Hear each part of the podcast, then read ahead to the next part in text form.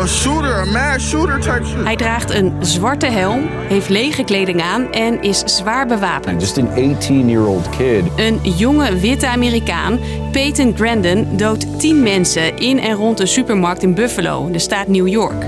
Zijn doel? Zoveel mogelijk zwarte mensen doodschieten. This was pure evil. It was straight up racially motivated hate crime. Zijn motivatie? Omvolking tegengaan. Een extreemrechtse theorie die we steeds vaker voorbij horen komen.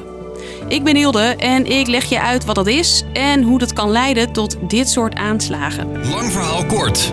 Een podcast van NOS op 3 en 3FM.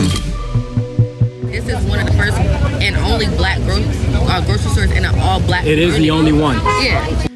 De schutter in de Amerikaanse stad Buffalo heeft uren gereden om deze supermarkt te bereiken. Hij zou het hebben gekozen omdat er veel zwarte mensen in die buurt wonen. En dat was zijn doel. Now, police, members of the media are going through his so called manifesto, full of hateful memes and ideas, and some of the same messages shared by the Christchurch mosque killer. Brandon zegt in een 180 pagina stellend manifest online dat hij radicaliseerde door Brent Harrison Tarrant, de man achter de bloedige aanslag in twee moskeeën in Christchurch, Nieuw-Zeeland. Die stuurde toen ook een manifest rond, onder andere naar de Nieuw-Zeelandse premier. The fact that there was uh, an ideological manifesto with extreme views attached uh, to this attack, of course, is deeply disturbing. In 2019 schoon Tarrant 51 mensen dood. En net als de schutter in Buffalo livestreamde hij zijn aanslag en zette hij een manifest online. Op zijn beurt weer geïnspireerd door Anders Breivik. Anders Bering Breivik De Noor die in 2011 77 mensen doodde, onder meer op het eiland Utøya.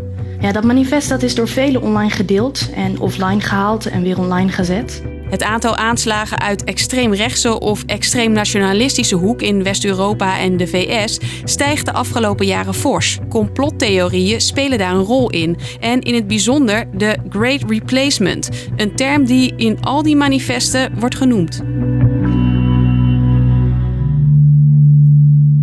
In het Nederlands omvolking. Terrorisme-expert Jelle van Buren legt uit wat daar nou precies mee bedoeld wordt. Omvolking, dat is het idee, maar eigenlijk ook vooral de angst, dat de oorspronkelijke bevolking van een land, gaat het vaak over de witte bevolking, dat die vervangen gaat worden door mensen van buitenaf, vreemdelingen, buitenlanders.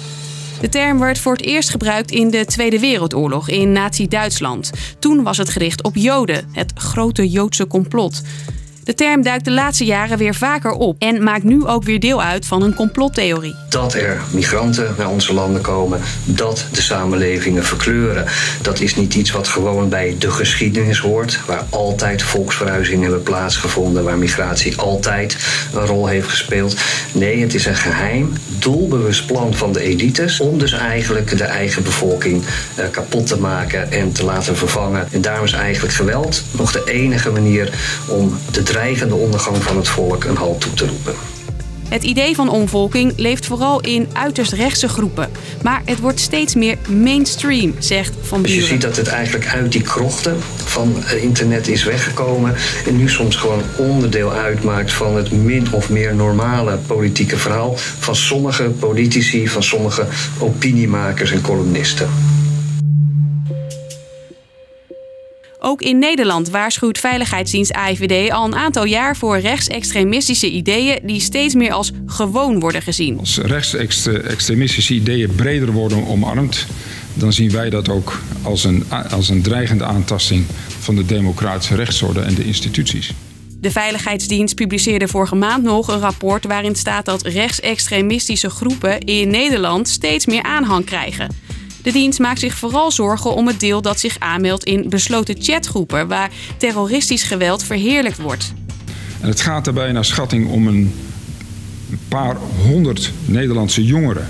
Die worden daarin meegezogen en kunnen snel radicaliseren. Het maakt een aanslag van rechtsterroristische eendelingen of groepjes eendelingen voorstelbaar. Voorstelbaar wil niet zeggen dat er veel mensen rondlopen met een idee een aanslag te plegen, zegt Van Buren. Maar de kans is er wel. Dat is vooral omdat toch een vrij hard extreemrechts verhaal um, behoorlijk veel circuleert op die sociale media platforms. Veel mensen um, kunnen daarmee in aanraking komen. En het is gewoon over het algemeen wel een zeer gewelddadig, hard, racistisch verhaal wat je daar hoort. Dus, lang verhaal kort. De dader van de aanslag in Buffalo had een racistisch motief, de Great Replacement. Die theorie waarbij het oorspronkelijke volk van een land wordt vervangen door migranten en vluchtelingen is veel te horen in rechtsextremistische groepen en wordt soms zelfs aangegrepen om aanslagen mee te plegen. Ook in Nederland maken de veiligheidsdiensten zich hier zorgen over. Dat was het weer voor vandaag. Morgen weer een nieuwe lang verhaal kort. Tot dan!